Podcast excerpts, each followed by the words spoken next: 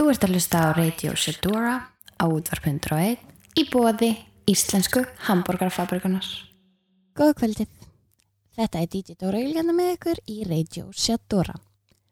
Uh, við erum hérna í bóði Íslensku Hamburgerfabrikunar og ég mæli eindrið með því að þið skellið ykkur á Hamburgerfabrikuna og smakkið hamburgeran þeirra Stefán Karl síðasta kvöldmáltíðin.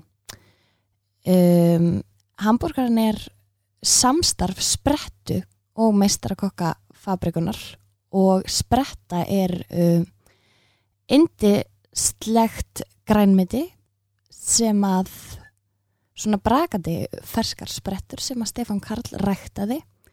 Uh, Hamburgarin er djúbstektur kjúklingaburgari úr safaríku lærkjöti í nachos raspi með svona brakandi ferskum sprettum döðlu lauk tjötni, sprettumæjói og pikkluðum gulrótastreymum um, Já, og þetta er sem sagt bara hamburgari úr hugar fylgsnum okkar ástsala grínara Stefán Karls í minningu hans. Ég smakkaði hann um daginn og hann er alveg dásamlegur. En viðmælindi vikunar er ekki að vera endanum uh, hún er mögnu kona sem ég lít mjög mikið upp til hún er fyrrum verðbreyfsali sem ákvaða að breyta um stefnu og afla sér jókakennara réttinda og í framhaldi að því stopna jókastúdíóið Sólir út á Granda Einnig hefur hún komið fram í TED Talk þar sem hún talar meðal annars um kraft ástarinnar. Verði hjartalega velkomin í Radio Dóra, elsku Solveig Þórunsdóttir. Hjartans takk Dóra, takk fyrir að taka mótið mér. Takk hella fyrir að koma. Dásamlegt. Mér sko, þegar ég hérna, hitti þau fyrst um, á nýjársdag, þá var hér, þetta ný komið upp að ég væri að fara að byrja með útúrsátt og mér er búið að langa að fá þau til mín síðan þannig að ég er ótrúlega gljóð og sérstaklega hjá mér. Bara frábært, það gildir í báðar áttir.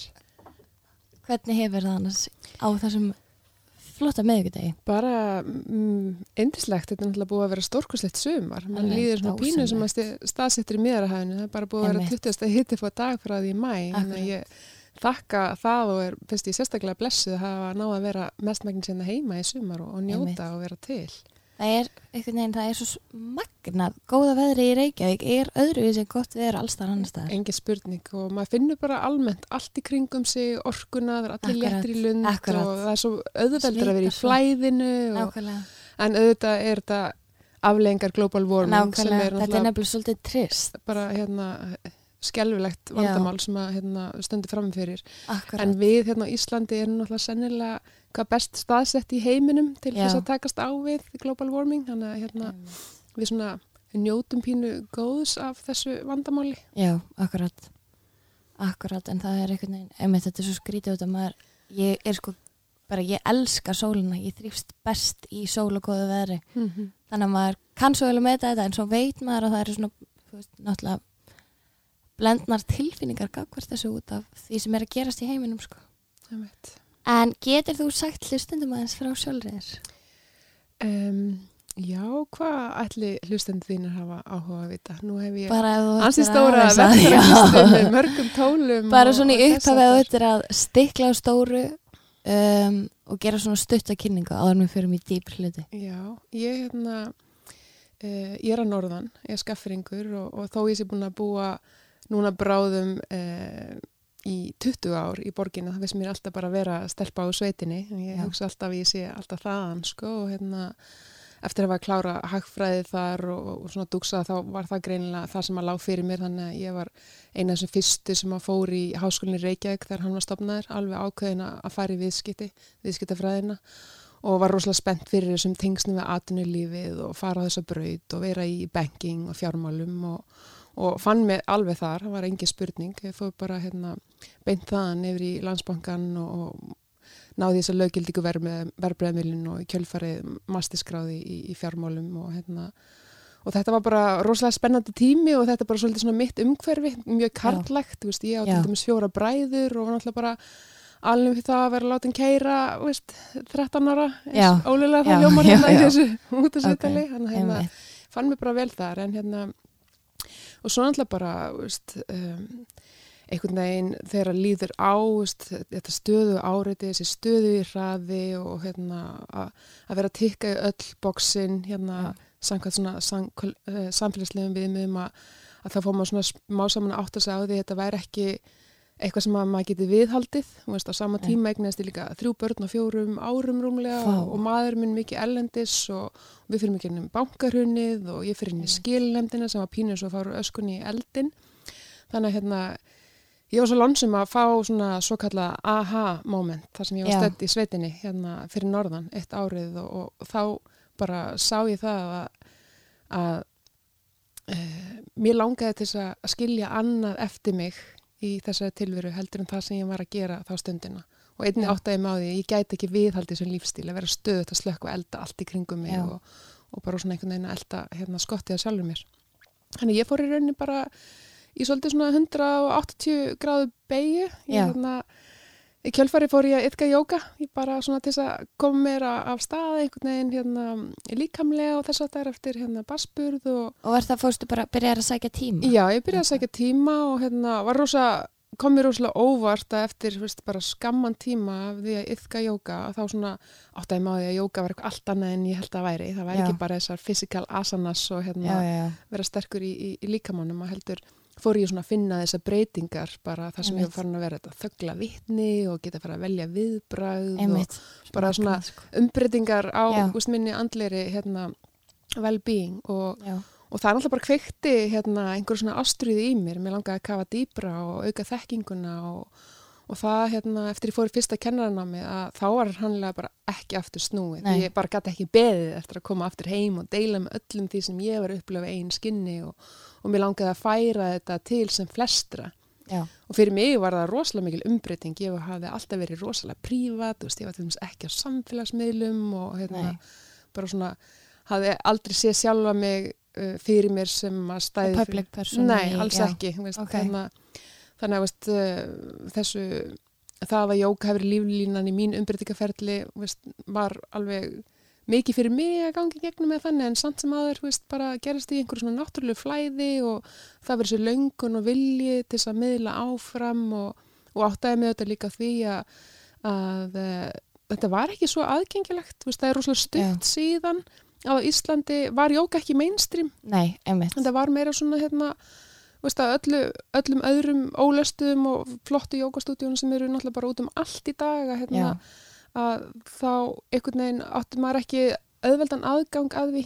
Nei, og, hérna, og mér langaði bara að einhvern veginn að fara inn á þessa hillu og, og bjóða, já, bjóða upp á þetta veist, og mín hugsun er alltaf að jóka er fyrir alla. Já, Veist, þetta er ekki bara fyrir fallnar nákvæmlega. dansara eða, veist, þetta er bara allur aldur og bara ávinningurinn sem maður getur flutt inn í lífi það er hérna eins og stórkostlegur Einmitt, og ég held að fólk átti svo ofta ekki að því að þú veist hver einn fer á sínum hraða í jókan sko. það er eitthvað svona, ég get ekki gert eitthvað Einmitt. fara upp með á Það og ég upplifið það, veist, nú erum við búin að taka mótið þúsundum manns eins og já. sólir og ég held að ég sé búin að heyra veist, þessa setningu svona 5.000 sinnum. Já, þú hefur aldrei sér styrðari einstakling heldur mig og ég bara, að ég hef heyrt hann og fólk, er hrætt við þetta hugsa Já. alltaf hérna, veist, ég, ég finn það mjög oft að fólk kemur inn með ákveðin óta veist, það er erfitt að stiga fyrstu skrefin en veist, við tökum bara á móti fólki með opið faðminn og, hérna, og lósum það að stað. En já.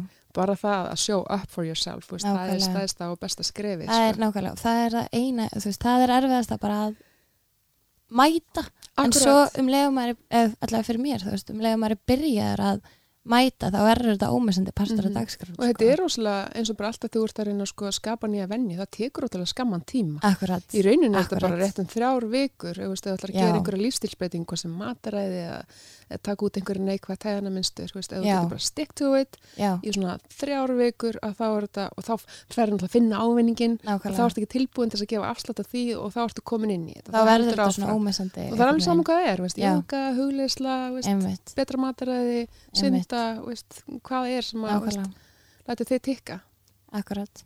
Og núna er jóka, er orðið svolítið svona, já, eins og þú segir, þetta er orðið svolítið mainstream núna, sem Mhm. er bara, þú veist, maður sér bara svo mikla hugarfarsbreytingu á, bara kannski ef við meðum við Íslands samfélagi, því að við erum fá, þannig að maður tekur rosalega auðvitað eftir því þegar að jákvæðara uppbyggjandi breytingar er þessi stað. Og þú veist, spurning fólk er svo mikið í núvitund Mm. og það er að stunda jóka og það er í hugleysli og þú veist, það er svona bara þegar að tempóið gæti annars ekki verið hraðar, þú veist, við höfum aldrei lifað á svona hröðum tímum, Nei, þá er þetta svo gott svona antidót við það sko. einmitt, Þannig að maður sér svolítið, þetta er svolítið skemmtilegt að, engi spurning.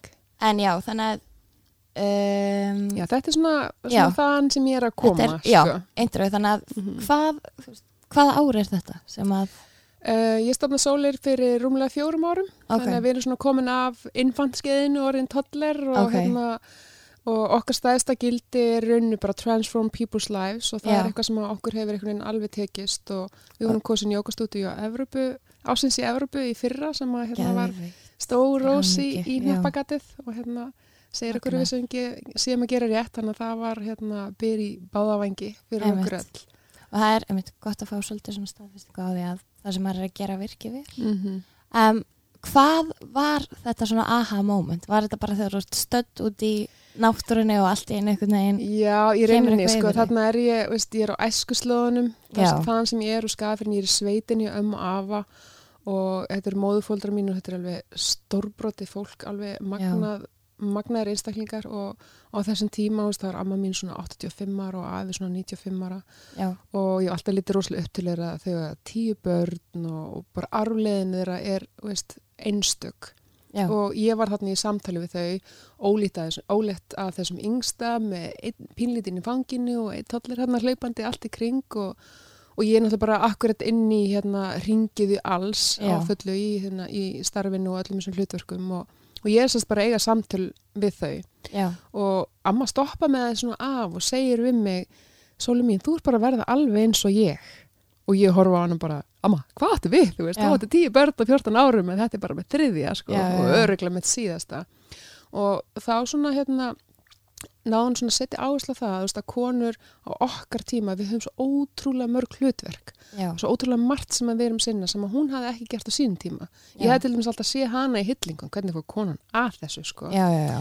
og, hérna, og þegar við erum að þá, er í rauninni, mér finnst bara eins og hérna, þetta hafi verið svona out of body experience. Vist, ég fann bara jartengingu og svona electricity ströym ganga í gegnum allar ringin svona eins og kundalínu orkan gerir alveg frá kvirli og niður. Og eins og tíminn stæði bara kjur og ég horfði á þau og þau eru þannig bara giggling, happy, brosandi veist, gefandi hvort öðru kossa og, og, hérna, og eru bara þessi opni hlýi faðmur. Og ég maður áttaði með einhvern veginn bara á því að, að þetta er svarið við öllu það Já. er þessi óskilurti kærleikur og, hérna, og ég, ég gindist það já mér, mér langaði að geta verið á sama stað að þau í lok míns æfiskeiðis og geta verið svona eins og þau, þau hort tilbaka veist, með stolti og gleði yfir sinni arfleð. Já. En ég sá það að það átti ekki alveg við um mig. Það sem Nei. að ég var að gera, veist, verandi í rauninni allstæðir en samt hvergi, var ekki líklega til árangus hvorki fyrir mig eða börni mín eða samfélagið eða nokkuð. nei, Þannig að þetta var bara svona rosalega sterk, sterk tilfinning sem að náði mér og í kjölfarið, þetta er bara um helgi á sunnudegi, þá bara saði ég starf minn lausu á mándeginum og bara ákveða að venda hvaði mínu kross og hérna og auðvitað komu kannski einhver svona moment síðar að segja bara eitthvað, já, oh my god. Hvað er ég búin að gera? Já. veist hérna og, hérna, auðvitað og allir í kringum mig bara, ertu galinn? Þú veist, hérna bara, þú veist, hérna gefa allt frá þér, þú veist. En það, það kom bara aftur inn þessi sterka, bara gött feeling og segist, treyst einsæðinu bara, þú veist, Einmitt. ég er núna í fyrsta skipti raunverulega að hlusta á hjarta mitt, Já. sálinu mína hvert er mitt life purpose? Þú veist, ég var ekki búin að finna hvert það var ég vissi bara ég væri ekki að gera það sem ég ætti í grunninn að vera að gera. Já, og, þú veist, oft spurði að ég þurfti ekki hugur ekki til þess að standa með sjálfur og svona, já mér finnst einmitt. það samt einhvern veginn ekki Nei, finnst ekki einhvern veginn bara eftir í þessari tengingu og þá hérna og þú ferði áttæði alltaf smá saman betur og betur að eftir svo lendir oftar í svona aðstæðum að þá byggist eitthvað upp eitthvað svona tröstkakar sjálfur og þessari tengingu að þá hættir að ofugsa hlutina og Já. spáum ekki í þessu Það er einmitt, og mín, mér finnst persónulega mín saga ekkit merkar en annara veist, þetta er bara það sem við erum að horfa allt í kringum okkur núna veist, fólk er að muna hvert það er það er að koma aftur heim til sín sjálfs og er að taka breytingar út frá sínu hjarta einmitt svona einhvern veginn, ég held að séu margir sem að gleyma að vera í tengslum bara við innsæð, Mhm. skilur og við Mhm. sjálfu sitt og það er svona Og það er þetta sem við erum að tala um, jókaði og allt þetta. Þetta, veist, þetta stiður fólk rosalega mikið í þessari vinna, að vera í tengingunni, veist, að hjálpa okkur að vera í núinu, ekki allstar og hvergi og hérna. Og þegar þú ert komin þangað, já, þá ertu í miklu betur stakkbúin til að takast á við allt sem er í gangi. Þannig að segjum að halda áfram þessi hröðun sem við erum að upplifa, já, að þá ertu samt að ná að vera alveg körð. akkurat. Vera í þessu flæði. Já, Já. óska staða, þetta flæði. akkurat, Þú veist, þetta verður er- svo mikið nota, þetta fara að verða eins og nýju frasarnir eða nýju klísirnar, en veist, þetta er önverulega mjög eftir nákvæmlega, nákvæmlega og þetta eru svona, ég, mér finnst líka stundum klísjur vera klísjur af ástæðu af veist, Svo við getum sagt það er þessum oftast og bara ná nákvæmlega, þessu. þú veist, nákvæmlega It's a pure message. og það er bara, þetta er þetta er svo magna, þú veist, maður finnur svo mikla þú veist, bara þetta svolítið svona líka einmitt að vera með sér í liði Mm -hmm. þú veist, þetta er svona, ok, ég veit enginn betur en ég hvað, þú veist, hérna inni þú veist, Mhm. maður finnur það, þannig að það er svolítið svona og líka ég dáið svo að fólki sem getur einmitt verið líka hvað víst upp að vissumarki Mm -hmm. og fyllt bara svona, ok, mér líður svona þannig ég þarf ekki að ofhugsa þetta í, Mhm. sko margamánu eða mörg ár eða þú veist, alltaf vera með þetta bak við eira en aldrei gera neitt í því, Í sko. grunninn er þannig að það fyrsta sem kemur til þín er nákvæmlega innsæða. Akkurat. Áður en þú setur, eða hleypur hugsunin á stað. einmitt, Þannig að trista þessu. Ég er mitt áður fyrir talandi kvatvísi og bara hérna, it was my middle name, bara Solveig Kvatvísi. og ég leit einhvern veginn alltaf á þetta sem löst. Bara, oh my god, ég er bara stjórnlaus já, hérna. akkurat, en hérna, ég held að þetta hefur bara verið alltaf halló. ég hef oft verið sko bara, þú ert svo kvatis og maður er eitthvað svona, já, og svo bara einmitt á, svona aðeins eftir að ég eldist pínu og þroskast þá hef ég skilið, þú veist það að vera kvatis er bara pínu superpower hjá mér. Mhm. út af því að ég veginn, ég eigði ekki tíma í, þú veist að ofugsa, heldur bara svona og einmitt, það hefur þá væntalega hjálpaði rosa mikið því að það er, þú veist, getur verið rosa kvíðavaldandi að fólk sem að fer ákveðnar eða þú veist, hefur þess að svona fyrir fram ákveðnu normleið Mhm. að fara, þú veist, er svona einmitt, bara hvað hva segir hvað er þetta að gera, eða skilur þú veist, það að einhvern veginn vera í jafnvægi og treysta innsæðinu getur, að því þú veist, það er, mér finnst oft og þú veist, ennþá finnst mér oft mjög auðvelt að annað fólk getur komið mér smá úr jafnvægi, Mhm. skilur Mhm. og þess vegna er eða, þú veist, ég get ímynda mér að það sé stre- hafi verið svona maður hafi þurft að leggja sér svolítið fram með að láta það ekki hafa áhrif á sig þegar þú kemur af svona einhverjum atvinnumarkaði þar sem að fólk er svolítið að fara í sömu stefnu og lifir svo satt og þetta er Mhm. svona í það að vera eitthvað, herri, núna er ég að fara að verða jókakennar og opna stúdíu og þetta er svona önnur- almennt séð er að þannig held ég að hérna, við mótus mikið umhverfinu og samfæra fólki okkar og Já. stundum er sagt að við erum í runni veist, hluti af okkur er summan af þeim fimm einstaklingar sem við umgöngum hvað mest og svona en hérna, ég segi alltaf að, að, hérna, að veist, við eigum í rauninni aldrei að gefa öðrum ráð Nei, við vitum einmitt. aldrei hvað er öðrum fyrir bestu. Veist, það er Já. ekki mitt að reyna að breyta þér eða þitt er að breyta mér. Veist, ef við viljum sjá einhverja breytingu í heiminu þá þurfum við að sjá um að Já, svo breytinga eigi sér stað hjá okkur sjálfum. Og, hérna, og í rauninni bara svona standa svolítið fast í sína rætur veist, að, að, hérna, að sveiflast ekki með uh, þessu ytra umhverfi sem að stöðut er að reyna að hafa áhrif á þig eða áreiti og, veist, og við erum að tala um svona orði svo þú sagðir aðan, veist, hvatvísi og, og mér er búið að vera mjög hugleiki orðið sjálfselska. Við erum Já. oft búin að, sko, í okkar samfélagi bara hlaða, veist, einhver svona uh, sterk og, og, og góð orð neikværi merkingu sem svo, fyrir mér er svo rám já, er veist, mér leiðist ótrúlega orðið svo hérna sem er svona sér íslega stuglegur og, þess að það er svona hvatum að þú eigir einmitt að gera þetta allt og vera þetta allt og, þetta með sjálfselskuna að hérna minnskilningur á sjálfselsku er sjálfskærleikur. Einmitt. Að sinna sjálfan sér, ve- sinna sjálfan sér vera til staða fyrir sjálfan sér svo að þú getur einmitt verið það fyrir aðra. Akkurat. en kannski megin skilningurinn á orðinu sjálfselska er einhver sem að stekkur á stað og, og hugsa bara um sjálfan sig Já, og við tilbúin að trafka öðrum fyrir það Já, svoleiðis, einmitt, eða, veist, eins og ég man bara þegar ég var að fara eins og, eins og ég fyrsta kennaranámi mitt, þú veist, það var, veist, mánuður í Asju og Hvar í Asju var það? uh, ég var í Tælandi þá og hérna, og ég man alveg eftir að fengi svona aðtöðsendir, bæði frá veist, þú veist, kannski ekki mjög nærri mér en svona, veist,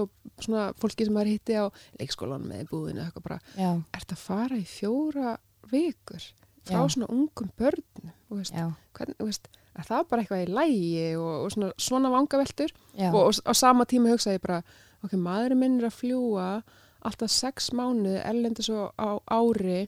Og ég er hérna í þessu. ein heima með þrjá Já. infanta og ég, það hefur ekki, veist, manneskja hringt í mig og búið mér í mat. Nei, nákvæmlega. En þegar nákvæmlega. ég ákvaða hérna, að fara á stæði þetta með fullan stuðning já. frá mínu manni, þá, hérna, þá hafði hann ekki undan við að taka á móti bóðum með aðstóð Já. og hérna, matarbóð og hérna, allt þetta. þessu. Ég var svona, mér fannst þetta frekar rámt, sko. Þetta Og mér langar bara að, og síðan þá bara taka þátt í að breyta þessu hugsanum. Akkurat, akkurat. Og það er einmitt eins og sko, þú veist, maður þarf að hrista svolítið upp í þessum gömlu gildum Mm -hmm. fyrir breytingar og þú veist, Mhm. það hafa rúslega mikið af breytingum átt sér stað þú veist, í samfélagin en þú veist, ég fæ til dæmis bara svona frá ömmu minni oft bara, þú veist þegar hún var 26 ára þá átti hún tvö börn og var gift og æskilur Mhm. þú veist, og það er oft svona eitthvað, já, byrja, en ætlar ekki að fara að finna þeim mann Mhm. og ætlar ekki að fara, þú veist eru svona þessi gömlu gildi sem að Mhm. eldri kynnslöður, þú veist, þeim finnst kannski merkilegt að það sé svolítið svona ferskur erum bara, öðru já, bara eins og þú ert að segja, veist, ég meina við lifum bara öðrum tímum, Nákvæmlega. við þurfum Og okkur því og akkurat. ég hef stórkastlega væntingar til hérna, þinnar kynslaður og næstu kynslaður sem eru að koma, veist, mér finnst það bara veist, einstakir krakkar, svona er ljósberar, merkilegir það sem við erum að gera, veist, nú er ég til dæmis að vera ferdu á næsta ári, það sem að fólki í kringum mig og svona eldra fólk sem ég er að vinna mikið með, það er í rauninni að leggja rosalega mikið tíma og orku í það að vinda ofan af alls konar neikvæði hefðuna minstri og svona Já. sem að hérna, þjónar þeim ekki að neitt nátt og, og við erum að leitast eftir í að ná þessu being whole and content Mhm. og þessu purity og svona sem að við auðvitað fæðumst öll með inn en svo Já. kom þessar skilirðingar og við fyrir Einmitt. gegnum alls konar tróma í lífinu. En það sem eru að koma með það er svo ótrúlega reynd, það er svo stert það er svo mikið kærleikur og við erum búin að veist, víkja úr þessari stöður yfir í finnst einhvern veginn svona þið veist, og við bara erum svona samtaka núna átt okkur að því að veist, allt sem að hérna, ég gerir neikvægt þér það hefur bein neikvæð áhrif að sjálfa mig einmitt, þetta er eitthvað sem við hérna sem erum hérna 40, 50, 60 kannski já, erum að einhvern veginn að önlæra eða svona Já, já, átt okkur á að ok, við þurfum að koma tilbaka hérna og til þess að geta mætt, þú veist, næstu kynst og börnunum okkur og allt þetta til þess að, einmitt. Já. En þetta, vil, maður lifir á svolítið mögnum tímum akkurat núna, sko. Mm það er, og ég líka bara, þú veist, ég sé um, það eru fáir sem að veita mér meiri innblástur heldur en kannski svona já, stelpur á kynnslóðinu fyrir neðan Mhm. cirka, eða þú veist, kannski 5-10 árum yngra því að þú veist, þetta er svona, maður sér þetta bara meira og meira og meira, það er meiri sko, einmitt eins og þú segir samkend og bara svona, þú veist hver og einn er að peppa svo mikið hvora Mhm. aðra upp og þú veist, það er svo mikið girl power í gangi Mhm. líka sem að var ekki þegar bara fyrir 10 árum þegar ég var skilur þetta 16 og 17 systrasamlag er orðið svo Já. stert og hérna. Og ég segi stundum svona- þegar maður er svona smá tindur eða fastur inn í hugsunarminstri að þá sé alltaf best annarkvort að setjast niður með einhverju sem er fjögur ára Já. eða 84 ára Einmitt, þess að fá alveg hitt spektrumi sko. nákvæmlega, Því að nákvæmlega. hérna, við höfum til þess að vera veist, bara föst inn í nákvæmlega því sem við erum í og þá er það heimurinn okkar. Já, einmitt um, En hvernig var að opna sitt eigið jógastúdjó? Var það ekki ótrúlega skemmtilegt að Jú, skapa það var svona bara hérna, ævintrilegt. Við hérna, uh, var í svolítinn tíma að leita að húsnaði Já. og, hérna, og ég hefði persónulega enga tengingu við uh, Grandan þar sem við erum hérna við sjóin nýtt? og, og, hérna, og ég man þegar að fasteignarsali drómi þanga inn nánast að hárinu sko. Já, og veist, þá var búin að hérna, nefnaði við mig marga oft þetta veist, væri nýji heiti reyturinn miðbærin geti ekki stækka þarna og þarna verið svo mikið gróska, mikið af frumkvölum og, svona mögnum fyrirtækjum að fara að stað og hérna ég lit til leiðast og kíkti þarna og, leið og ég kom inn og þetta gömur fiskvinnsla, gamla albyrgja var þarna ég bara, ég fekk aftur svona moment bara, vá, ég er komin heim já, og veist, aðrir horfði kringu sig bara þetta var alltaf bara slóra allir veggjum og tómu geimur og veist, hand ónýtt og þannig. En ég bara, instant þá sá ég bara nákvæmlega fyrir mér hvernig að ég vildi og sá Já. fyrirmyndir að yrði. Og svo fórum við bara í það verkefni að, að fara að staða að byggja upp og, og endunýta eins mikið að hérna, efni og hægt var. Og ég myndi að segja veist, hver einasti nagli í húsinu með einhverja sögu sko, einmitt. Veist, hérna, bara einhver svona mín Já. útgáfa eins og við erum með, veist, þegar fólk er komið til okkar það bjóðu upp á hérna, vassflöskur ég bara, náttúrulega er algjörlega agenst hérna, á mót, móthallin plastnótkun og þessu, þú veist, Já. sér allar þess að brúsa og allt þetta, þannig að fólk getur komið og, og hérna, fengið sér vatn og, veist, og, og drukkið úr glærflöskum já, og það er staðsett þannig veist, inn í miðinu á stúdíónu sem er svona, svona, svona mikið svona félags hérna, og svona samskipt og svona skemmtilegt að vera. Já, og hérna vassrekkin er sem sagt gamall vínrekki sem ég hefði átt þegar ég var á þeim tíma í lífinu. Að, hérna, að safna áfengi og, og, og, og drekka Fínu reglulega. og allar hérna glerflöskunna sem voru veist, 2 eða 300 hafði ég verið að safna heima veist, búin að drekka alla tegundunar að græmitisjónum frá henni Sollu, nefni Já. vinkunum minni. Og ég manna maður minn var alltaf bara, hvað ætlar að gera flösku? Ég, veit það ekki, en ég veit að það Já, tilgang, það þannig ég er verð að halda já. þannig að það er einhvern veginn, allt er svona þannig að allt eitthvað- svona kemur saman og Já, og svo kemur þetta einmitt saman og verður að einhverju svona veist, einstöku svona að því allt er orka, veist, það kemur Já. eitthvað vibe sem fylgir þessu og þess vegna held ég að við náða að skapa veist, það sem ég langaði upprunalega að gera veist, að það er þetta, þetta home away from home veist, þú kemur Einmitt. inn og það er bara ah, þú veist, þú getur bara sleppt veist, það er bara, this is my safe space Já. my safe heaven og það er bara vinna það er Já, já. En veist, auðvitað hérna, þó að vanda til verka og allt svona, veist, þá er allt svona bara skilin ef ekki væri fyrir fólki sem kemur og glæðir það lífi. Já. Þannig að byggja upp ákveðið svona community, tribe, fjölskyldu, veist, í því fælst aðal vinnan og, og það er samt einhvern veginn svona ekkert mál ef þú hefur ástriðið fyrir því, já, veist, ef þú ert present fyrir hvern og einn og er tilbúin þess að mæta öllum á þeim stað sem er á og þá bara gerist það mjög náttúrulega. einmitt. Það er magnað um, ég hérna hef tekið eftir líka að þú hefur verið með TED Talk Já. sem að mér fannst ótrúlega skemmtilegt að sjá það sem þú talar meðal annars um mátt ástarinnar um, hvernig kom það til og hver er máttur ástarinnar? Já, ég hérna, þetta er raunin það sem ég brenn fyrir. Að Ég vil meina það að kærleikurinn sé kraftmesta vakstrafl alls lífs Já, og mér finnst svona að, að þessu frægi hafi verið plantað í þessu aha-momenti sem við rættum með náðan, það sem Já. ég var hann hjá um og afa. Mikið, ég kalla hann alltaf sko hérna Amma Love og svo hinn Ok. Amma er Amma Cool. ok, Nafna mín. veit Hérna, að hún er alltaf einhvern veginn meiri holdgeringur kærleikans Ástarinnar, fyrir mér sko og þau Já, og hérna og já, þetta sé svona kraftmesta vakstra lífsins er uh, það sem við höfum kannski verið að, að að þetta er svona tvíþætt sko. Kærleikurinn fyrir ekki svo löngu var svona pínu korni eða þannig, þú varst ekkert mikið að tala um kærleika fyrir 5 eða 10 árum, þetta var bara svona eitthvað sem að prestar fóru með í kirkjum og þess að það og, og ég er bara svona, heyrði ég er bara búin að átta með því að kærleikurinn er rosalega cool, kindnessið og allt þetta sem fylgir veist, að vera hérna veist, að mæta fólki veist, á, á, með hjartanu veist, það er þarna sem við getum empowera aðra liftkurður upp og hérna, komist upp í herri tíðni. Og hérna þannig að mér fannst það bara veist, algjörlega eftirsondið, svo ég segi tvíþætt að hitt með kærleikan og það sem að veldur mér svona hugarangri er að eins og við erum að praktisera hann almennt í tilhörun okkar að hann kemur ofta en ekki með skilirðum og, og ef ég tek bara sem dæmi svona gegnum fóldarhlutverki og parenting að, að það má skilgrina það sem velvilja niðurbrot. Við erum auðvitað alltaf að gera okkur besta, veist, Mm. við viljum veist, vera góða fyrirmyndir og góða börnin okkur, fólki kringum okkur og svona.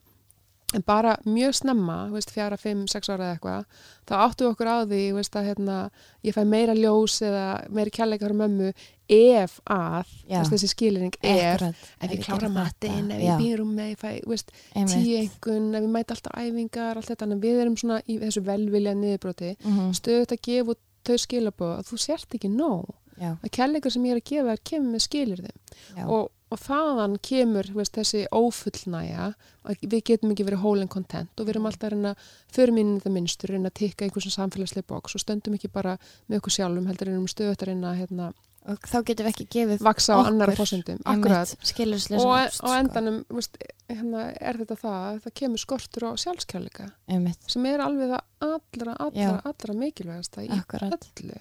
Það er eitthvað sem að margir áttar sig svo seint á sko. Já, það er akkurat það sem Það við er, talum að við hérna, mín kynslu og eldri erum að reyna að vinda ofan að þessu veginn sem við erum búin að vera föst í þú veist, 20-30 ár. Akkurat, Já, og svo hérna með, með þetta TED Talk og ástæði fyrir þetta topiki mitt, það var bara fyrst og fremst að því ég brenn fyrir þetta. Já, og mér langar til að koma þessum skilabóðum út. Og þetta er einu bara veist, um, því allir hafa kannski eða flestir eitthvað svona mission eða vision in Já. life. Og mitt er bara to share the unconditional love on a global scale. Og já, þetta er stæðsta mögulega plattform sem ég get fengið.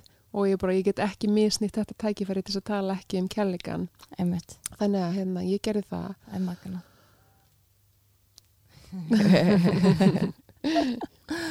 já.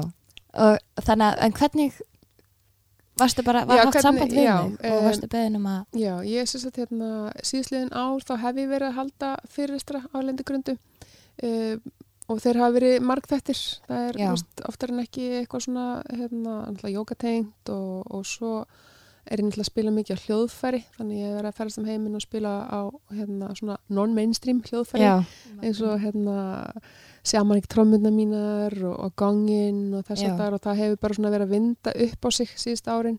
Og ég hef verið að vinna með hérna stórkoslegum mentor sem að býr í Fraklandi, hún heitir Dr. Andrea Pennington. Okay. og hún var búin að vera í svolítinn tíma bara I need you to stop hiding in Iceland and come on a global platform og, veist, og þá er alltaf Já. þessi hugsun bara eitthvað, hmm, who am I to? Veist, eitthvað plain small einmitt, imposter einmitt. syndrome og allt já, þetta. já, en hérna með hennar stuðning og, og þess að það er þá að endingu eh, tók ég upp hits af þessu tóki sem að ég var búin að sjá fyrir mig og mér langaði að tengja það tónlist af því ég trúi líka að music is the medicine. Og hérna og sendi inn hérna eitthvað fimm eða tíminna pits á dómnefnd og sem alltaf bara er stöðutu því að taka á móti og svo bara fer þetta pits fyrir dómnefndina og þeir gera bara upp að ég fái þetta slott og, og það var bara greinilega ment við akkurat einmitt, bara hefur alveg verið. Mm og var ekki ótrúlega gaman. Það var ótrúlega skemmtilegt að hérna magnarætt við eins og svona TED Talk. Já. komið með rosalega svona stífum ramma ok, sem ég kannski vissi ekki alveg fyrirfram það algjör, veist, það er algjör útlöka að geta leiftir að fara fram yfir átjámínundur og það Ok. mátti ekki tala um trúabröð, ekki pólitík og ekki blót, eða Já, bara alls já. konar svona veist, hérna, striksinn sem þú verður að fara hérna, með inn og þess að fyndi þegar maður brennur fyrir einhverju með ástræði, ástræði fyrir einhverju þá, þá langar þig að tala í náttúrulega marga klukkustundir og bara fá Já, Þannig að það að koma skilabóðanum inn í átjumínundur og að hver setning hafi eitthvað vægi, veist, að það tók alveg ótrúlega langan undirbúinstíma að snýða þannig. Og einmitt, svo þetta líka hérna, veist, hún tala ekki spjöldum eða, hérna, eða neitt slíkt, sko, en ég var svo heppin að hafa rosalega góðan stuðning frá einna mínu systrum, Love Warriors, henni Söru Ott, sem að, svona, var svona að passa að við værum hérna innan þessa ramma og hérna, ok, ok og já, er skemmt, allt er skemmtilegra saman. Er saman erum við er sterkari, þannig að þetta var bara ótrúlega skemmtilegt ferðalag. Og, og svo var svona, ef ég segi svona eina, svona finna litla sögu af hérna TED-talkinu að þegar ég kom inn að, að þá var mér sagt að ég verið sérst fyrst eftir hlje, eftir háteðshlje já, og bara, vá, ég ætla rétt að vona og að tókið þetta sé powerful og þetta fara að lifta öllum upp innan sem er í meldning og Já. stekkan og ég leið, oh, ok, allt í lagi. Og hérna, og dagun var æðislegur veist, geggja að hlusta og hérna, hérna bara, veist tilgangur náttúrulega með TED Talk er bara to inspire people with new ideas. Þannig að maður er bara eitthvað að taka inn og taka inn. Mhm. já, og hérna, og ég var náttúrulega bara eins og maður gerir, búin að undirbúa mig eins vel og ég gat, og veist, hérna bara þekkti efni mitt og brenn fyrir þetta og fannst þetta allt, þú veist, bara veist, solid, sko. Og, en svo er alltaf þegar ég kem inn í einhverjum svona aðstæðir þá slepp ég alveg tökunum bara Já. allt sem ég er búin að gera, allt sem er undirbúa skiptir rauninni engum máli, ég er bara hér til þess að þjóna, vera þetta hollow bone og ég bara við alla mína vendar og vætti um að tryggja að það sem áhörundur og, og hlustundur þurfa að fá að heyra fá að koma fram, alveg Ok. saman með hvað hætti ég gera það ok, þannig að ég er alltaf tilbúin til að vera berskjöldu og alveg eins og að vitsingur eitthvað, eða þannig, veist, bara svona I surrender to en this það er, það er Þetta er svona bara að- praktis sem að ég er búin að taka inn í gegnum being present, að bara Já. það virka langt best. já, Þá er raunverulega getið tala frá hjartanu Já. og fólk finnur þessa tíðni sem er að vinna frá og veist, að að ég meina hver sem er getur veist, memoræsað eða, gert er eitthvað flott eða fínt veist, Já, akkurat. performance. Og, og veist, þetta snýst zero um performance. Er öllu nákvæmlega sama hvort fítin eða flott er að ge- gera hvað sem átt að gera sko. Veist, fólk veit geta tengt við því sem einstakling. og svo hérna ferjast það inn í inn í tókið og kemur þú þá hérna þessi litla saga, það var hérna að þegar ég hafi verið að æfa veist, var gangum gólf heima og svona mun eftir hérna að þá uh, kunni ég fyrsta parti langt best því það var svona yngangurinn að sögunum minni hún kom svo veist, náttúrulega frá hjartanu. Já, og ég hefði sérst fengið svona hérna, ég kalli það channeling, svona upplýsingar hérna úr öðrum vittum um að það myndi vera eitthvað hérna, veist, uh, hiccup eða sérst, það myndi vera eitthvað klúður í byrjun. Ok. Og hérna og ég mann þegar ég var æfa ég er bara svona, hvernig getur það verið, þetta er eiginlega eina sem ég er með. Já, það er eina sem ég kann, ég er ekki bara að klúra þessu og ofta að velta þessu fyrir mér og svo sérst að hérna, verið inn á sviði, komin á hana rauða dott og maður fyrir beintin í þetta bara svona, þú veist, og þú sért ekki þú, veist, þetta er bara eitthvað svona autobari dæmi, sko, já, ég fyrir beint inn í flæðið og, og er alveg hérna veist, að tala og fyrst þetta bara eðislegt og úkslega þakklótt fyrir tækifæri til þess að vera þarna og, og komin að staður og svona, einhverjum nokkar myndin í tákið þá koma hérna tveir svona administrators hlaupandi inn á sviðið og bara we're so terribly sorry we have to stop your talk we're having technical issues and we have to start and sta start all over from the beginning. Oh my og, god. veist, og þetta er bara svona the nightmare Já. of every speaker. Við erum Já. bara cut off in flow. Já, komin bara og, oh, Oh veist, my God. hérna sko. Og þegar veist, þetta er alltaf gerast ég er bara, hæ, er þetta gerast? Og þá var sérst hérna, mækin virkaði ekki og þetta snýst allt um audioið, þú veist, það sé gott fyrir online versioni og hérna og, og ég fattaði strax að þetta var það. Já, sem ég hafði í rauninni fengið smá heads up og eitthvað hikka upp. Er, og ég var svo glöð að það skildi hafi verið tæknilegt en, en ekki ég já, einhvern veginn að hérna, ekki delivera sko. Einmitt. Þannig að ég fylltist bara ennþá mér eldmóði og, hérna, náða að færa inn í flæði með öllum áhröndunum og taka gott grín og tók Já. hérna krabban út af sviðinu veist, svona já. og lág allir hlátur af því að ég fann alltaf þetta gerist bara hvað energy það droppaði í já, salunum einmitt af því að allir sem eru þarna þeir vilja allt gangi vel og halda allir Akkurat. með þér og svona og ég fann Akkurat. að þau voru terrifætt líka Bara- sko já, svo bara, veist, var ég afturkynnt inn og Já, fór aftur að stað og ég bara, ég, ég fekk bara lengar tíma sviðinu og kom að skila bóðunum alveg inn sko. einmitt og það er svo magnað að geta líka einmitt oft að sko já, maður getur svo mikið er það ekki stjórna því veist, hvað kemur manni úr jafnvægi og hvað ekki? akkurat málið, veist, bara hvernig ætla ég að að velja viðbræð eins og þarna, veist, þá hefði kannski verið svona algengast að frjósa eða færi frustration eða hvað er sem á þyrmir yfir því sko, eða vera stressaðir eða hvað sem er. En eins og þetta með léttleikan og gleðin að geta alltaf gripið í það veist, og húmorinn og svona og þá líka nærða sína þinn innri mann og þannig er ennþá betri tengingu í fólki í kringum þig. Og bara í veist, ég reyni helst bara að fella sjálfa mig reglulega já, og taka faceplant. Já, svo að fólk bara, fólki í kringum mig finnist þetta, ekki vera eitthvað svona intimidating eða, veist, en þetta er svo magnátt og ég tekið svo bara, veist, eftir að einhvern veginn, já, maður gengur svona á þessum árum sem ég er núna á, sko, maður, þú veist, það er svo mikið að breytast og gerast og maður er svolítið svona að, já, ég er búin að lenda í því að þurfa svolítið að endur uppgöta mig og bara þróa mig og Mhm. þróa sjálfum mitt Mhm. og allt þetta og það er svo magna og það, þú veist, ég veit alveg að það spila svo mikið inn í hvað ég verið mikið í jóka og ég líka að byrja að stunda huglislu og allt þetta Mhm. er, það er ekkert sem er meira empowering en að átta mig á því að ég skapa lífið mitt og ég Mhm. vel nákvæmlega hvernig ég bregst við, hvað ég segi þú veist, og einhvern veginn bara Þetta alltaf þegar maður lendir þú nákvæmlega, ert heimurinn þetta nákvæmlega er allt þín sköpun og geta verið bara, ok, þetta er að gerast og hvernig ætla ég að bregðast við þessu Mhm. er alveg, -hmm. það er svo magna þetta er það sem ég er að segja svo aðdánvert ég var ekki þarna á þínum aldri Nei, en þetta var líka, kannski væri maður ekki að ef þetta væri ekki svona mikið líka út í samfélaginu, Mhm. skiluru. Það er svo mikið svona, svo margt sem maður getur tekið til sín, sko, -hmm. sem er svo skemmtilegt. -hmm. En hvað finnst þér? Það, ok, kannski líka bara út frá sjálfriðir, um, að því að þú sagði að hann var ákveð ekki að ráð, en hvað finnst þér svona það mikilvægast eða það sem að hefur verið best fyrir því að tilenga þér í daglegu lífi? Bara svona upp á að finna jákvæðar uh, breytingar. Vá, það er nú ansi margt sko. Já, um, að þetta með að gefa ekki ráð þú veist uh, bara aðeins að svona byrja því veist, hérna, mér finnst alveg dásamlega forréttindi að geta fengið að vera til staðar, veita virka hlustun og speikla tilbaka það sem að fólk er að tala um, veist, Já, hvað sem er eitthvað ráðgjöfi heilinu, hvað sem er að gera. Einmitt, veist, og í samtalinu felst oft mesta heilinu og það er Já, stórkostlegt. Akkurat, en ég veit aldrei í mínu hjarta hvað er best fyrir þig. Nei, nákvæmlega, það, nákvæmlega. það er það sem við þurfum alltaf betur og betur að átt okkur á we're not here to fix anyone else only Nei. ourselves. nákvæmlega.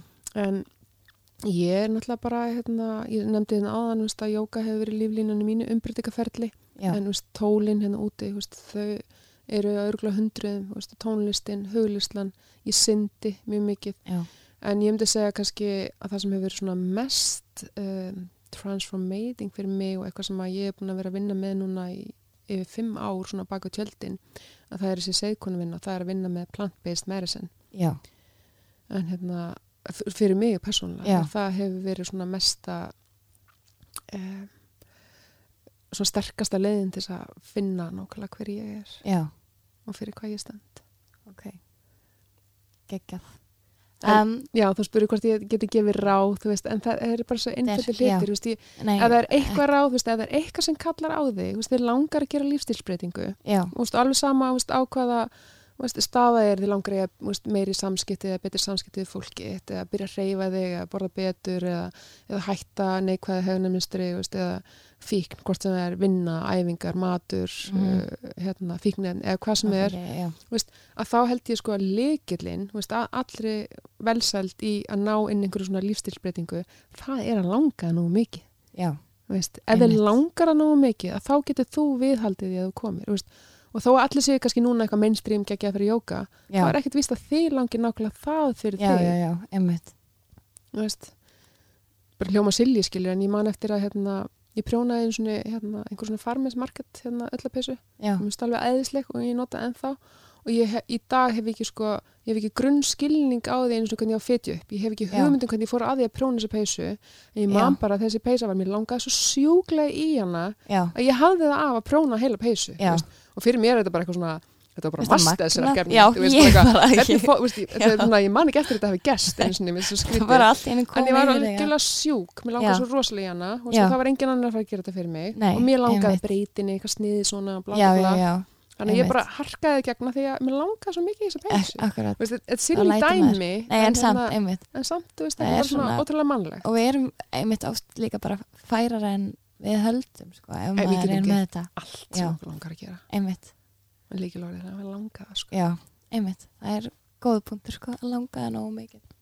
En finnst þér svona þú vera á nákvæmlega þeim stað sem þú átt að vera? Finnst þér eins og hlutnir séu svolítið svona fyrirfram ákveðnir líka þó við sköpum náttúrulega okkar örlög finnst þér þá svona einhvern veginn Já, mér finnst ég í rauninni algjörlega að vera svona whole and content, veist, fyrir ekki að slettunar en nei, svona, þú veist, flottast. living hérna, veist, my true purpose and dharma, veist, bara svona ég sé á réttri vegferð, en ég líka búin að átta mig á því, veist, að það er endless layers þess að vinna með, já, alltaf fyrir dýbra já, og persónulega þó að mér finnst þetta hérna path sem ég er búin að karfa sé góðu farvegu fyrir mig og mínu orku og svona að þá er nokkuð við sem að heimismyndin eins og ég þekki hana á sjálf með eins og ég þekki hana eftir tvö ára eða fimm ára verður bara allt, með allt Já, öðrum hætti og ég, ég er bara í full trösti já, veist, ef ég er í hverju mómenti að fylgja innsæðinu og gera það sem hjartar að segja veist, þá er verið að opna næstu og réttur til fyrir mig, fyrir mitt path. Já, þannig veist, ef ég er bara true to myself þarna og alltaf integrity að, að þá held ég áfram þá afvega leiðist ég ekki af my route eða já, þannig einmitt, en. Og svo erum við náttúrulega í stöður í þróun já, það er akkur það sem ég segi veist, hérna, veist, ég veit það vel að, hérna, að ég er svo alls ekki fullnuma í neinu. Nei, veist, en á sama tíma er ég alveg til- tilbúin til að óna viskun og þekkingun og reynslunum sem ég býr nú, nú þegar yfir. Já, en bara eiginlega bara sjúbl, sjúklega spennt og excited fyrir því Einmitt. sem að koma skal sko. veist, ef þetta er búið að gerast á tveimur árum, veist, bara, where will we be? Akkurat, hvert er þetta líf að fara með okkur en það er, ég finnst það svo gaman að vera temmilega mikið svona æ, þú veist, við verðum að fara með þessu flæði og einmitt bara gera okkar besta hverju sinni og vera besta útgáðan okkur sem Mhm. við getum en samt finnst mér alltaf eftir á eins og, þú veist mér er svo gaman að stoppa og hugsa bara, ok, þú veist það er kannski eitthvað að og það er eitthvað sem ég get breytt og allt þetta. En þú veist, lífið er aldrei fullkomið og mér líður eins og hlutin séu nákvæmlega eins og þeir eigi að Já, vera. það er rosalega góð tilfinning að geta dvalið henni já, og verið í þessu fulla trösti yfir að, það sé engin mistök. já, Í dag er þú summan að öllu því sem þú farið í gegnum. Já, og þú, dregur þá eitthvað lærdóm á því. Segjum að þú hefur einhvern veginn sært einhvern eða sært Já. sjálfa þig veist, að ekki líta tilbaka með skömm eða sektakend eða veist, ó ég vildi að þetta hefði ekki farið svona eða ég hefði bröðist öðru sér við. Þú veist, að frekar að vera bara í fullir sátt með að í dag ert þú að öllu því sem þú farið gegnum og býrða reynslinni og, og, og getur þar að leiðandi veist, eða þú lendir í svipum aðstæðum síðar veist, breytt með öðrum hætti. Já. og þannig ert þú að þú veist, empowera sjálfa þig sko. akkurat. Þetta er eitthvað sem að já, sem að maður lærir eftir því sem maður þroskast mm -hmm. æ, þú veist, ég man bara svo mikið þegar að vandamálin voru þú veist, bara heimurinn var svona hérna lítil kúl og vandamálin voru sko, þú veist, þrefalt mm -hmm. bara universið. Mm og það er svo hérna, einmitt, Já, það er mikið léttir að geta stíð út í því, veist, vitandi, ok, allt er eins og að vera, veist, hérna, þetta er kannski ekki eins og ég sá fyrir mér, en veist, þegar eina dyr lokast, þá opnast aðrar og hérna, að dvelja ekki of lengi við þegar að, veist, eitthvað er obviously búið að taka U-turn og er ekki fara með þeim hætti sem þú vildir að gerði. Er bara, ok, þá er við að karfa annað pað hérna. einmitt einmitt um, hvað veitir þér innblástur? Uh, ég myndi segja svona fyrst og fremst bara að sjá fólki í kringum að vaksa. Já. Og veist, og hvort sem að það eru börnin eða samfélagfólki eða fólk sem er fækinu sólir eða öllum sem viðburðum og námskeiðum og þessu sem ég verð að halda hérna, að innblásturinn fælst í því að það næri mig svo mikið að sjá að það sem ég gera hefur þessi áhrif. Það er stórkust að sjá umbreytingar á fólki og veist, það lifi betra lífi og, og er empowered og er að finna sjálf sig. Og veist, á sama skapi skilar það sér yfir til mín sem næring og, og svona staðfestu að, að, að ég sé í rauninni að lifa minn svona tilgang. Já. veist af því að veist, ég, meni, ég vinn með alls konar, alls konar tól og stundum veist, þetta er non-mainstream og pínu vútu og hérna og það mætir ekki skilningi alls þar af því að ég menna fordómar og fáfræði og alls konar Veist, og ef maður vil festast í hugsunarminstri er þetta í lagi eða er þetta rétt og svona, þá finnst mér rosalega svona inspirandi að sjá áhrifin sem að þessi Einmitt. skila sér. Einmitt, þannig já, bara hérna bara fólk, Það er inspired by svona- people Já, það er eitthvað svona eldmóður innum með Mhm. manni finnst mér. en ég er samt svona, veist, svolítið gamaldags og pínur ísæðilega, veist, ég ég er ekki svona klók eða dugli við að hlusta á podcast eða fylgjast með því sem er í gangi veist, á ljósakamiðlunum og, og, og YouTube og veist, eins og fyrir TED-talkið veist, ég held ég að horta hálft TED-talk veist, Já, ég, ég já, hugsaði já, frekar já. bara, ó, ég vill ekki vera undir áhrifum og Já, hérna, og vera að spytta eins. mínu Já, authentic já, já. message Einmitt, einmitt. en ég les mikið veist, Já. hérna bara svona top 3 hjá mér er einhvers konar svona reyfing, útiveran í náttúrun Já. og, og, bækur, veist, gamaldagsskilur bara vil fletta bók og, og sjá renna fingrunum í gegnum blasiðunar og, og þetta, veist, það bara Það er því. Og svo hugle- huglegar á hverjum degi. Já, ég myndi segja að ég gera það. Ef ég, hugli, ef ég sest ekki niður og hugliði Já, með svona úst, hefðbundum hætti að þá finnst mér ég ná að tjekka svolítið inn huglisluparti minn þegar ég er að synda. Já, það er svona floating meditation. Og náttúrulega alltaf jókapraktisið það Já, er já. bara, veist það er mitt sacred, veist, ég er á dýninni veist, svona ásláta hljóma sóðarlega, þú veist en mér finnst stundum bara eins og ég sé elskast með sjálfur mér þegar ég er að yfka jóka bara ég allri fegurðinni, bara tegnd hverja einustu er frumu, allar er og allar orkubreytina sem þú veist, 72.000 talsins er orðin leiðni Já, natist í allar líkamann, þú veist, þá er ég bara it's a blissful state. Já, einmitt. Geðvikt. Þetta er magnaf. Og hvað er á döfunni? Er eitthvað spennandi? Eh? Já, ég er alveg rosalega spennt fyrir haustinni í sólum. Já, Við erum hérna, við erum búin að fara ekki svolítið svona orkuskipti það er í sumar. Við erum ok. að koma miklu meira inn með, veist, það er ákveð element í sólunum sem verður aldrei tekið þann, það er power. Veist, það er svona fiskalist, veist, strength og hérna, og það er svona, fólk er svona ákveðið í að ná fram umbreytingu og svona, þannig að það verður alltaf, en ég er líka að koma inn með meiri mýkt, ég er að koma inn með meiri storytelling, möndrur, Ok, viðburði eins og, veist, og tónheilun og allt þetta, þannig að þetta, veist, kakó, veist, og sk- skipta stundum upp kynjanum, veist, karla kakó, kvennarringir og allt þetta, Já. þetta er að koma sterkar inn sem er mjög, svona, ég er svolítið búin að vera að þrá í hjartanu. Og, og það er núna bara er rétti algjörlega. það er allir tilbúnir, bæði þeir sem eru að koma að taka þátt og þeir sem eru að leiða, þetta er bara rockstjörnur í hverju horni. Og, og svo bara hérna það er í raun bara að vera þar í sól Mhm. með mitt presence og, og kenna bæði, veist, leiða viðbyrði og, og, og koma aftur inn í stundatöflu. Og svo eru bara eins og alltaf, veist, það er mikið að ferðalegum, þú veist, ég er náttúrulega að halda fyrirlestra og er með tónheilin og viðbyrði og svona erlendis og, og í Fraklandi í september og í oktober er ég að leiða hóp til Suður-Ameríku í Peru og. Já, og hérna og ég ætla að enda árið á, á Bali með stórfjölskyldinu minni. Það er mánuð. Móðu mín er að vera 60 þannig að við erum öll saman þar. Allir bræði mínir og fóldrar og börn og hérna, Hefur komið til Bali áður? já, ég var þar í mánuð hérna fyrir þessu ári. Og það er bara stórkastlega orkan sem er þar og fólkinn þar er mikið aðgengi öllu því sem að hreyfir mér, við mér og Já. Þannig hérna já, það er bara bara að njóta og vera til í því sem maður er að gera Já. Það er, er það ekki svona eiginlega mikilvægast að njóta þess að vera til? Jú, það er eitthvað svona sem ég þetta persónulega að praktisera. Ég hérna, hef alltaf haft hennan hérna, tendens að vera of alvarleg Já.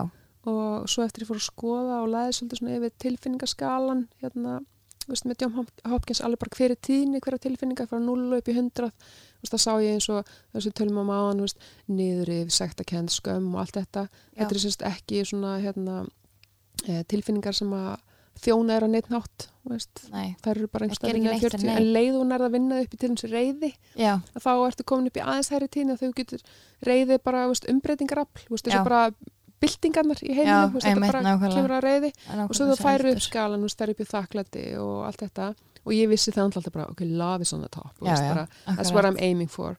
En það sem kom mér svo skemmtilega óvart ég fór og laðist aðeins yfir þessi fræði er á, á pari við kærleika veist, bara, bara bliss veist, hundrað, er gleði. Já. þessi einlega baslega gleði þegar maður sér börnin sín spretta fram og hvern einasta morgun bara ó, ég er svo gladur að vera til, Já. er þið ekki glöð að ég er komin veist hérna. Ég er bara svona, akkur er við ekki ennþá með þetta? Hvar, týndist þetta á Bara byrja daginn alltaf ég á veit það, þessu. bara hérna stórkaslegt, Já, veist hérna þannig að ég er bara búin að smá saman að reyna að, að virka gleðin aftur í þessu Já. sem er að gera veist, staldra við og gleðast yfir því sem að veist, vel er gert, veist, í stand fyrir að halda alltaf áfram, er ekki nóg, þetta er ekki nóg, Já. gera betur, betur, betur Og einmitt, sko, lifa, mér finnst margir lifa svo oft frá markmiði til markmiðs. já, akkurat Og einhvern veginn þau kun, ekki kunna að staldra við og bara Mhm. njóta það sem er að gerast akkurat núna. já, En hvernig erst þú? Setur þú Ég var alltaf, Þér, alltaf þannig og veist, eða sem sagt bara, bara rosa bara, gott dæmi veist, var að hérna, ég kleif hæstatindi í hérna, Vestur-Evropu Mont Blanc fyrir Já. einhverjum tíu árum og það var náttúrulega bara missjoni skilur ást að ná upp á topp og, og það voru þrótlisar æfingar í sex mánu undan, veist, ísklifur og allir jöklarnir í Íslandi hlaup upp á steini með 20 kilo, 20 kilo póka bakinu, veist, bara 30 myndur verður dutt, snásu og svo náttúrulega fer maður í gegnum veist, þetta ferðalag, hæðaralun og, og bara, veist, þetta var alveg það erfitt að maður þurfti bara að hugsa eitt fótu fram fyrir Já. hinn, hann á toppadeginum 18 tímar og svo kom maður upp á topp og það var náttúrulega bara Ítalja, Frakland, þú veist, það var allt, þú veist, hérna, og blissið bara, vá, þú veist, ég náði að sigra, þú Já. veist, og hljóma náttúrulega er ég argli að ég hefði sigrað eitthvað fjall, þú veist, Já, já. it's impossible, þú veist, já, já, að vinna náttúruna er bara eitthvað Já, svona, já. hérna, illusion, já, já, en það var tilfinningin, en máli var að hún staldraði bara við hjá mér, veist, ég veit ekki hvort það er ná klukkutíma, já, strax á niðurleðinni var ég aftur fyrir að fyllast einhver tóma Já. á mig, veist, þannig ég var bara eins og einhver asn alltaf elda einhverja gullrót, já, veist, hver var raunulega tilgangum minn?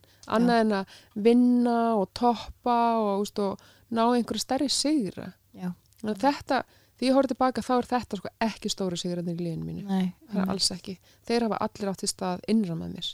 Já, einmitt, einmitt. Uh, hvað myndur þú segja hafi komið mest á óvart í lífinu? hmm. Aðeins- til. Já, ég þarf aðeins að hugsa mig þess að spurningi koma svo skemmtilega og flatt upp á mig sko. það komið mest að óvart uh, Sennilega veist, að, að átta sig á eigin mætti að hann sé svona ótakmarkaður og svona gríðarlega mikill veist, að, veist, að, heimurinn er ég og ég er heimurinn og þetta að þetta er svona frekar nýlegt veist, í tilvörinu Já. minni bara að átta mig á þessu og skilja veist, að, veist, hvað er raunveru leikurinn er þetta sem að við erum að hérna, í avatar líkamann okkar setjum hérna saman og allar human hérna, skildirnar eða er það allar hinarvítirnar sem að eru okkur mörgum ekki aðgengilegar þegar við veitum þeir eru mikið eftirtækt og það er eiginlega svona það sem að hefur verið svona mér fundist svona mest spennandi og mest óvænt að sjá og skilja betur hvað, hvað er í gangi allt í kringum okkur í gegnum orkuvinnu og, og hérna, plönturnar og náttúruna og svona Já. Og fyrir mér er veist, heimurinn svo þúsundsunni stærri heldur en við, það sem við sjáum með augunum sko. Þannig og, og þetta er eitthvað sem að veist, er aldrei að snerta botnina á eða ná upp í toppina og, og það gerir mig ennþá meira excited og svona spenta fyrir öll því óvenda og Einmitt. Einmitt. já, ég veit ekki hvort þetta ná að svara alveg spurningu þinni, sko. þetta er, og einmitt líka það svona hvað, sko, einmitt, hvað það er mikið sem við sjáum ekki og hvað heiminn getur verið ótrúlega stór bara við höfum ekki hugmyndum það. Það er Mhm. líka svo þægilt út af því að það áttar maður sig ennþá meira á því hvað vandamálinn eru lítil og yfirstjál, Mhm. skilur Mhm. það er eitthvað sem ég hef reynt svona mjög mikið að tilenga mér, er bara svona, ok, þú veist reynir svolítið svona að sjá fyrir mér stærðina, bara ok, þau eru bara svona og ég er Mhm. þetta stór að ég get, þú veist, það áttum að segja því maður getur dílaði miklu meira en maður Mhm.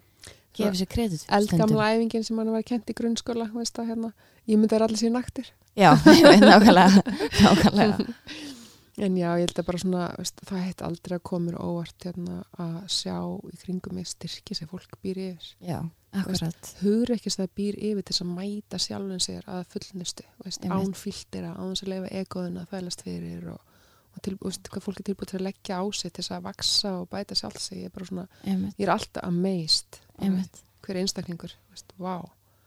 einmitt Þetta er magna, en heyri, tíminn er alveg búin að fljúa frá okkur, elsku Sálveg Mér langar að byggja í lúkin Já, um, að koma með óskalag já, það er auðsótt. Ég bara, bara að fá að byggja um sama lag og ég bað fyrst um þegar ég var barn. Að fyrsta óskalagi mitt sem ég baði um í útvarpi. Ok Það er hérna The Neverending Story ah. með Límal. Síðan 84 held ég. Þetta er svona nostalgíu lag fyrir mig sem að ég ennþá dyrka og dái. The Never Ending Story með Hit Singers Límal. Með Límal. Já. Þetta er úr myndinni The Neverending Story. Ég held að coverið á hann sé svona hann er vel strípað með brotta og Hérna, já, nákvæmlega, ég sé þetta hér Ég man hvað ég var skotin í honum þó ég hef bara verið fjárara sko. Æði Heiði, elsku Sólveig, hjartna þakkir fyrir að koma Sömuleiðis. til mín í spjall og ég hlakka bara til að tala við þessum allra fyrst Já, semleiðis. Og ég lagt til að segja það á dýnunni. Já, ég get ekki beðið, ég get ekki beðið